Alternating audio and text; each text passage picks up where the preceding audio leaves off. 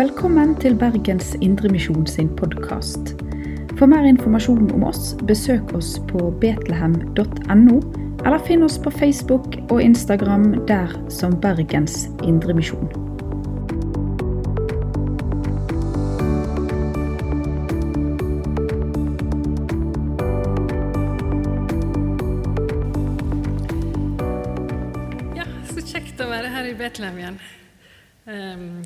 Kari heter altså jeg. Uh, jeg er redaktør i Dagen og har fått lov å reise en del i Midtøsten og andre plasser. Uh, tidligere så var vi, uh, jeg og mannen min og familien vår, medlemmer i Betlehem. Alle sønnene våre konfirmerte her. Og så valgte vi på et tidspunkt da de var ferdig konfirmert og hadde spredt seg over hele Norges land, å vende tilbake til lokalmenigheten vår ute i Loddefjord. Men det er veldig kjekt å være tilbake her. Eh, Da jeg var spurt om å tale her, eh, så gikk jeg inn og så hva Stefanusalliansen anbefalte som preiketekst.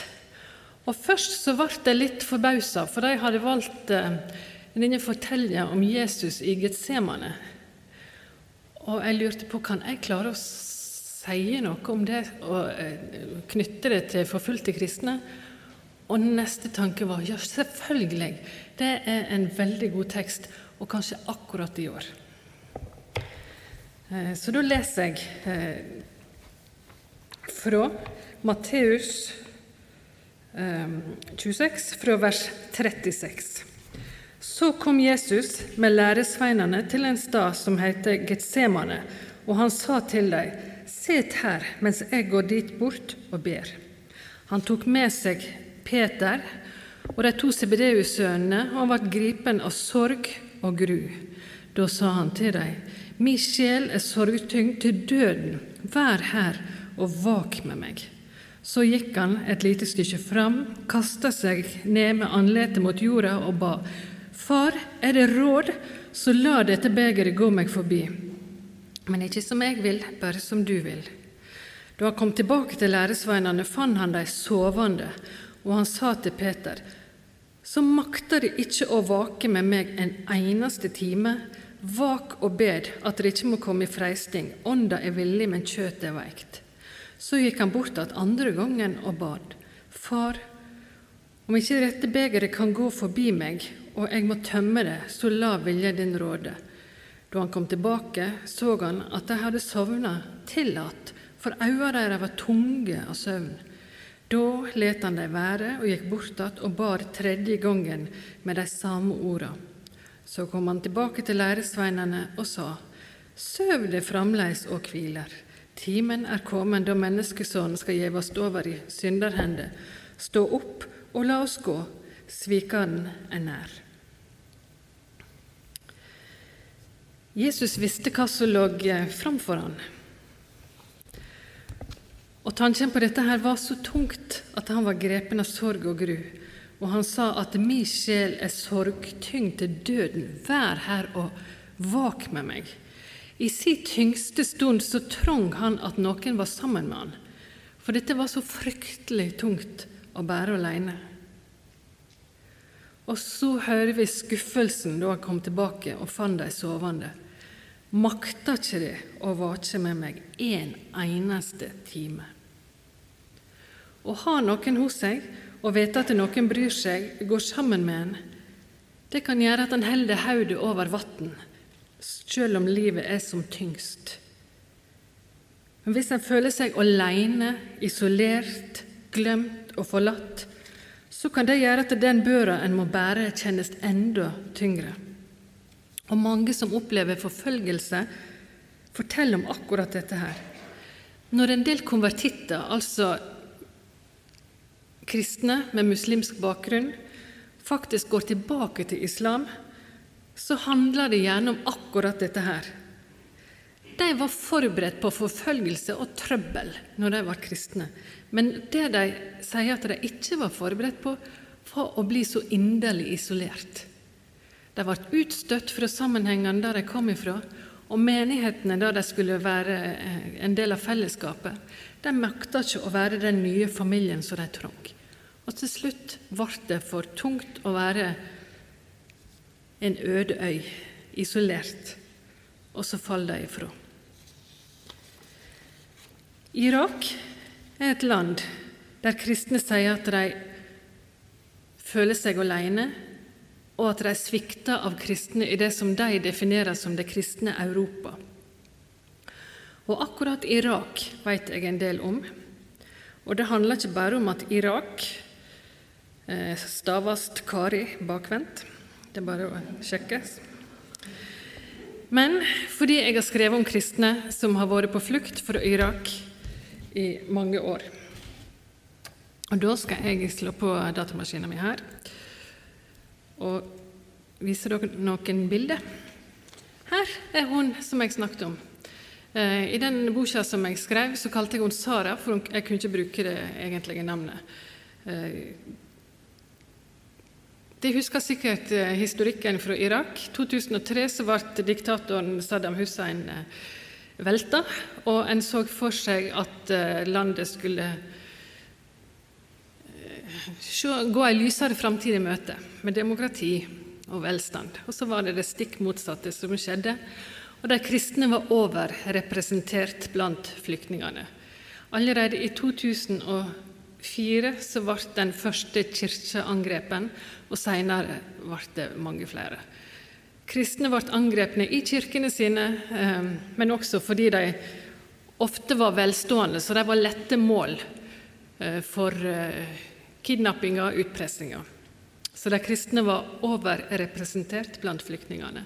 Og I 2007 så var jeg i Syria første gang for å intervjue kristne på flukt. og Da traff jeg hun her Sara. På veggen bak seg så hadde hun bilde av Jesus og av mannen sin, som var sjåfør for de amerikanske styrkene i Bagdad, som ble eh, bortført og drept. Og hun flykta med de fire barna sine. Og bodde altså på et loft i Damaskus Eh, der det regna gjennom taket, der madrassen og klærne til ungene var våte hele tida. Dette var om høsten. Og hun beskrev, hun sa at framtida for meg virka som et stort, svart hull. Og dette var da noe av det som virkelig gjorde at jeg ble grepen av historia til irakerne, og som eh, bare forsterka det engasjementet som jeg allerede hadde for kristne som blir forfulgt for trua si. Så har jeg fortsatt å følge opp irakerne seinere.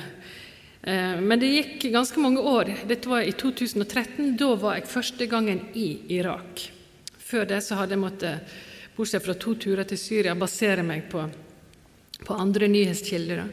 Men da kom jeg altså til Nord-Irak, og da var det faktisk ganske mye optimisme der. De bygde hus, og de eh, inviterte folk til å komme hjem. Eh, og Det var flyktningleirer, men det var da syrere som var på flukt, som var i flyktningleirene i Irak. Så går det ett år, og så angriper IS Mosul. Og Jeg husker jeg satt på, på skrivebordet mitt på Danmarksplass og så denne hastemeldinga fra NTB som kom inn over skjermen, at eh, IS hadde tatt Mosul. Og jeg tenkte at jeg hjelper meg, nå skjer det det som alle har advart mot. Dette her er forferdelig alvorlig.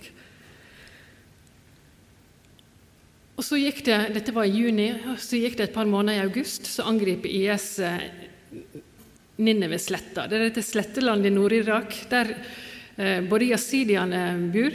Eh, de bor i Shinjar, eh, litt lenger nord. Eh, de ble først angrepne eh, ca. 4. august, og så et par dager senere, 6. august, så fosser de innover Nineve-sletta og driver de kristne på flukt. De heiv seg i bilene og kjørte til de kurdiske områdene, de kurdiske selvstyreområdene i Nord-Irak. Og det var flyktninger overalt. Dette bildet er ikke det jeg som har tatt. Um, I kirkebenkene, på fortauene, i skolene, eh, til og med i rundkjøringa lå det flyktninger og sov. Eh, fram mot jul det året eh, da fikk jeg en telefon på jobb. En som het eh, Per Evo Berg fra Krist... nei, hva heter Kredokirken. Jeg hadde hatt en avtale med han den høsten at vi skulle reise til Irak. Og Så hører jeg ikke noe mer, men rett før jul så ringte han og så spør han vil du være med meg til Irak i morgen. Eh, Da sa jeg at ja, jeg får ringe hjem og høre hva mannen min syns om det. Og han sa kjør i vei. Eh, og så for vi til Irak. Og på det tidspunkt så var jo da flyktningene De hadde fått telt, et slags tak over hodet, og presten i denne eh, Dette her var altså utafor ei kirke i Erbil i Irak. Presten i den kirka hadde laga ei julekrybbe i full størrelse for å, for å formidle håp til en flyktningbefolkning som følte seg nokså håpløs. Han ville vise at det hadde vært godt folk på flukt før. Se her, de er ikke alene. Frelseren, faktisk, var sjøl på flukt. Han var sjøl flyktning.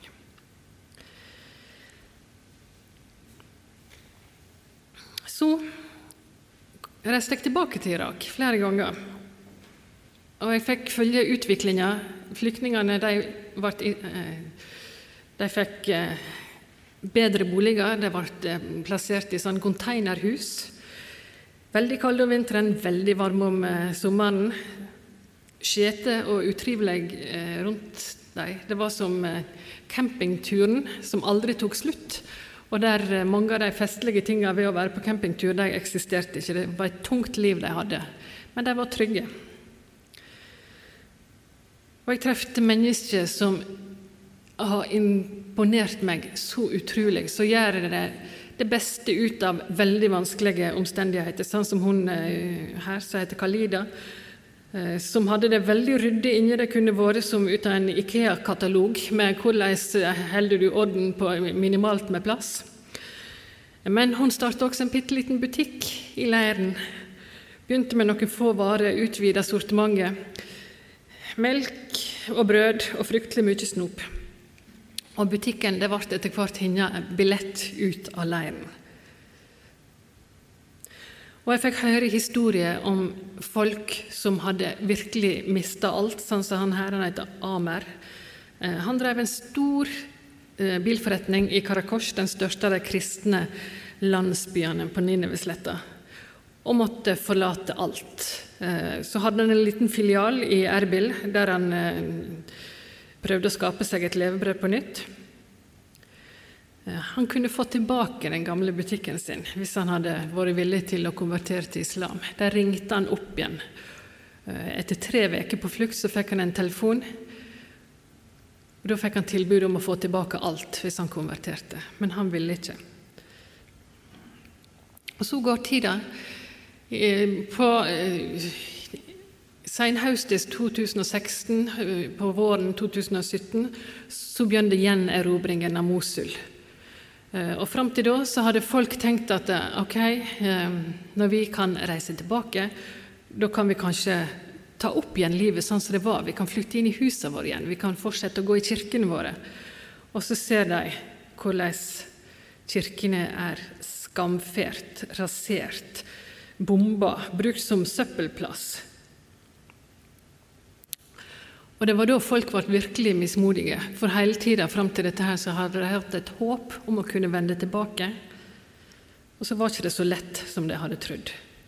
Dette var ei kirke som jeg var inne i i en by som het eh, Batnaya. Alt var ødelagt, bare røska sammen til søppel. Bildet Jesus går ut ansiktet på. De gjorde liksom alt de kunne for å krenke de som hørte til her. Og de drog De plyndra husa, tok alt av verdi, resten så bare rota de i hop i en haug og reduserte det til søppel. Sånn så det ut. Noen av husene var helt utbrente. Og så begynte de likevel å gjenoppbygge husene sine. Bretta opp armene, sette i gang. Korsene blir reist igjen på kirketakene. Og så kommer det enda nye angrep. Dette her var eh, senhøstes i 2017, tror jeg. Folk måtte flykte fra den samme byen som jeg hadde vært i, Teleskov, fordi det kom nye angrep. I 2019 så var jeg tilbake til den landsbyen Teleskov, der det var så ødelagt to år før. Og Da får jeg en annen eh, versjon av historien. eh, Det folk snakker om da, er hvor ensomme de er. For veldig mange av familiene har flykta. Og det gikk jo en jevn strøm av Irak, kristne irakere ut av landet i alle disse åra. Men det tiltok. Og i Teleskuff den dagen på vårparten i 2019 så var det nesten bare gamle folk igjen. De satt og spilte kort eh, midt på torget. Han her, han sa 'Jeg er så inderlig ensom' for alle ungene hans. Han hadde en hel flokk, men de var spredt. Altså, jeg kan av og til klage for eh, sønnene mine har reist litt langt under Bergen. Men han her han har altså, Nå skal jeg som vanlig snakke meg langt utover Jo. Eh, han forteller at to av ungene mine har utvandret til USA. En bor i Tyskland, en i Tyrkia, en i Nederland og en i Libanon. Og gamlefar er tilbake i Irak. Jeg kjenner meg så inderlig ensom, sa han. Og det samme gjorde hun her. Hun snakket ikke så mye med, for det var vanskelig å kommunisere. Men hun, hun eh, Jeg stoppa henne på gata, og hun bare begynte å gråte og sa at 'jeg er så ensom'. Jeg er så aleine.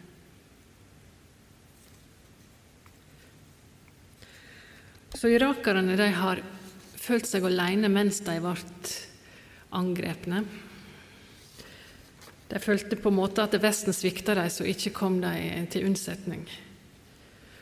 Og de som er der nå, som et resultat av forfølgelsen, de kjenner seg også inderlig alene.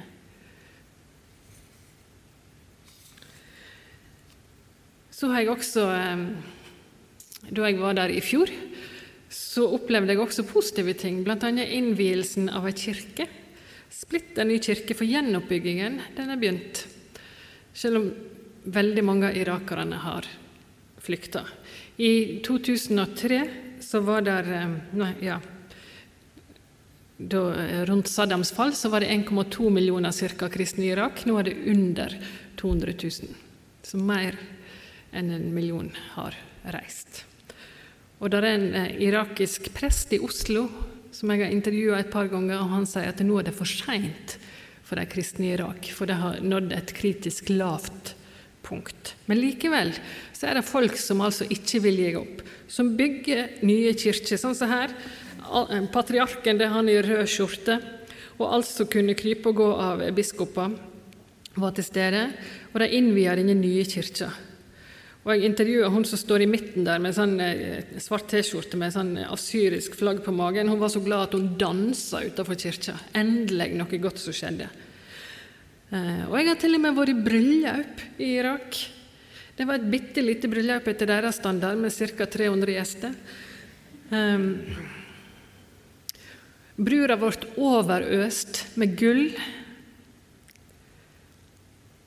Eh, og Det er ikke fordi hun skal pynte seg så voldsomt, men i et land uten fungerende bankvesen så fungerer det gullet som brurene får, det er kapitalen til hele familien. Og Når dette paret skal kjøpe seg en leilighet, så vet hun at da må hun selge en del av gullet sitt. Og Det er helt greit, for sånn er det. Men det var jo kjekt å kunne henge det på seg da, en dag. Men jeg har også stått på høgda bak dette Marmatti-klosteret, et eldgammelt kloster. For de skal huske at dette her er det området der den, kirke, den kristne kirke så å si har sine røtter. Altså det var i dette området her eh, eh, kristendommens vugge sto. Det var her det begynte, rundt i Midtøsten. Og også i, eh, i Syria og Irak. Jeg har stått bak dette gamle klosteret og sett utover Ninnevesletta, sett på alle byene eh, der de kristne er drevne vekk, og der andre folkegrupper nå overtar.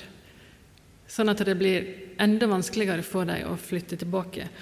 Og jeg har sett eh, helt i randa av det bildet som ligger Mosul. Og det er nå en no go-sone for kristne. Det er veldig farlig å være der. Og jeg har vært oppe i Nalafjella, på grensa til Tyrkia, helt uh, oppe i nord.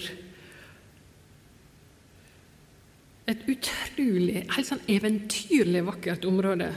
Sikkert særlig vakkert for nordmenn som liker vann og fjell og sånn, og grønt. Og da det bor kristne i små landsbyer som er veldig isolert, eh, og der de må leve med stadige bombereid fra tyrkiske militærfly som prøver å få has på PKK, eh, som er i fjellet der.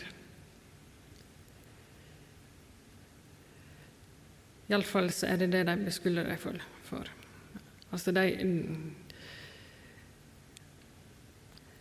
Så Den dagen vi var der, så hadde de, eh, de hadde hørt bombedrønn tidligere på morgenen. Sånn at de lever helt på en knivsegg fremdeles. Det er ikke akkurat nå direkte kamper, men de er altså på grensen til hva som er mulig å holde ut.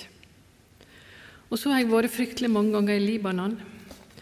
Eh, og der traff jeg hun her i fjor høst. Hun er fra hun er fra den byen Teleskuf i Irak, som jeg har vært to ganger. Og hun sa jeg flytter aldri, aldri, aldri tilbake. For hun følte seg så utrygg. Hun vil ikke at uh, ungene skal leve opp med å være så utsatt som hun sjøl følte seg. Så de var på vei til Australia. Og der har ganske mange av irakerne endt i Australia. For de har en politikk eh, om, som går på at hvis du kan bekrefte at du har noe som tar vare på deg, så kan du komme. Så veldig mange kristne irakere har reist akkurat der.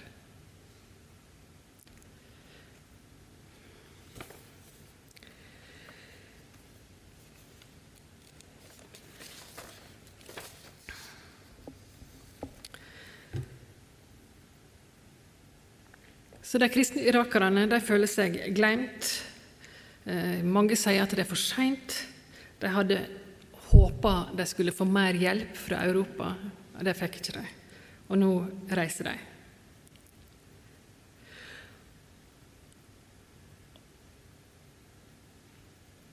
Og så kan vi tenke på den tida vi er inne i nå, i koronatida, med smitte overalt det har gjort at de som blir forfulgt for sin tro, er enda mer utsatt enn det de kanskje ellers er.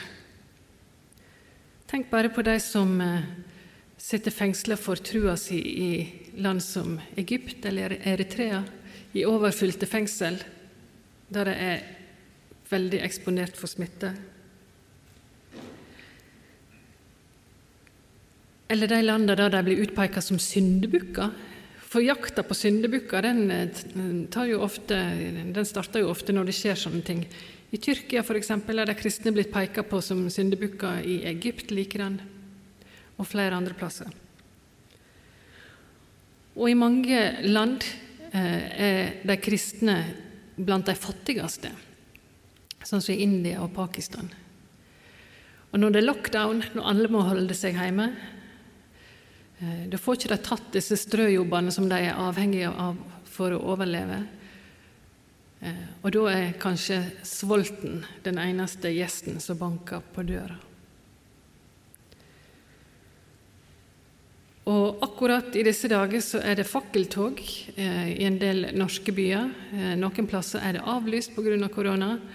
Men det som har vært overskrifta for aksjonen i dag, eller i år, det er 'bakerst i køen'. Fordi en ser i mange land at de kristne må stille bakerst i køen hvis de i det hele tatt får lov å stå i kø. De får ikke nødhjelp fordi de tror feil.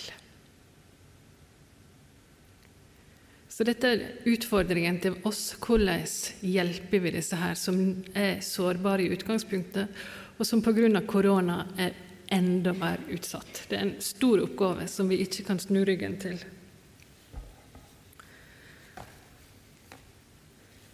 La oss gå tilbake til historien om Jesus i Getsemane, som trenger så sårt at disiplene vaker med han,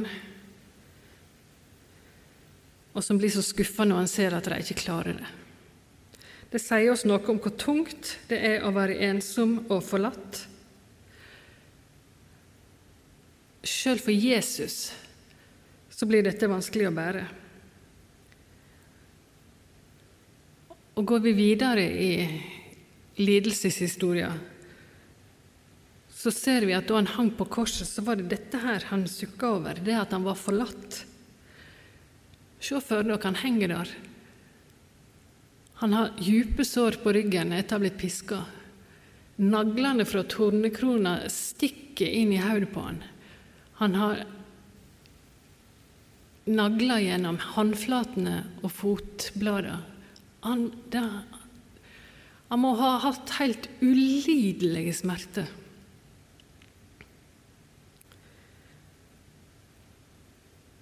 Men det han roper ut, det er dette.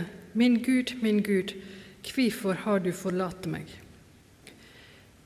Det som er gjengitt i Bibelen, er ikke at han sukker for de fysiske smertene, men at han roper ut sin nød fordi han opplevde å være forlatt. Så trenger ikke vi reise langt i disse dager. Vi trenger ikke reise til eh, Pakistan og Irak for å finne folk som er ensomme og forlatt. Nettopp under koronapandemien så er det veldig mange mennesker som er veldig ensomme. Og det begynner å bli tøft. Vi er inne i den andre runden. Det er enda strengere eh, restriksjoner, og folk er redde for at en ikke kan reise hjem igjen til jul. Det er mange gamle enslige. Det er mange ens, eh, ensomme flyktninger. Funksjonshemma kanskje, som ikke kommer seg ut like lett studenter som sitter isolert på hyblene sine. Og jeg har tenkt på hva utfordring Altså, Gjør vi nok som eh, kirker rundt omkring? Har vi bare vært føyelige og lagt oss eh, sende hjem og late igjen døra, og så sitter vi der og venter på at det skal gå over, når det egentlig er veldig store oppgaver ute med mennesker som eh, som har det skikkelig tøft i disse dager. Men så er de gode nyhetene, da. At selv om vi er alene, så er ikke vi forlatt. Det var nettopp fordi vi ikke skulle være alene og fortapt, at Jesus leid, døde og sto opp igjen. Det var for at vi ikke skulle være forlatt, at han sjøl tålte den ensomheten, den grunnleggende, fundamentale ensomheten som han følte da han ropte på Gud og følte seg helt forlatt på korset. Det var for at vi ikke skulle være forlatt, at han holdt ut. Og han er med oss. Jeg er med dere alle dager så lenge verden står, sier han. Og dette vet disse gamle, historiske, orientalske kirkene i Irak. De har erfart forfølgelse og tap og lidelse. Gang på gang på gang så er de kristne i disse kirkene blitt drevne på flukt. Men de vet at de tjener en herre som vet hva de går gjennom. De tror på Han som sjøl kjente angsten så sterkt på kroppen at svettedråpene rann som blodsdråper til marka. De hviler i trua på at de er Guds barn, og at deres himmelske Far er trofast og medlidende. For det står i hebreerne vi har ikke en øverste prest som ikke kan lide med oss i vår vannmakt, men en som er prøvd i alt på samme måten som vi. Tenk på det. Det kristne håpet handler om himmelen langt der framme. Det er dit vi skal. Den elendigheten vi står i her og nå, det er aldri slutten, for vi skal til himmelen. Men det kristne håpet handler ikke bare om noe som er langt der framme, det handler òg om at vi tror på en som går med oss. Han er med oss midt i vår elendighet, og han har opplevd akkurat det samme. Han veit hva vi går gjennom.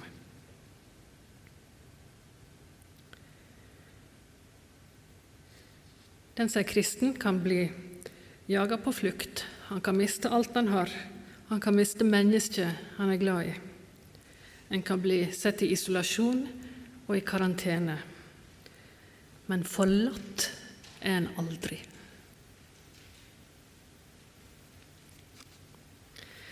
Jesus, jeg bare takker deg for at du er med oss alle dager så lenge verden står. Jeg takker deg for at du leid for at vi skal få være sammen med deg.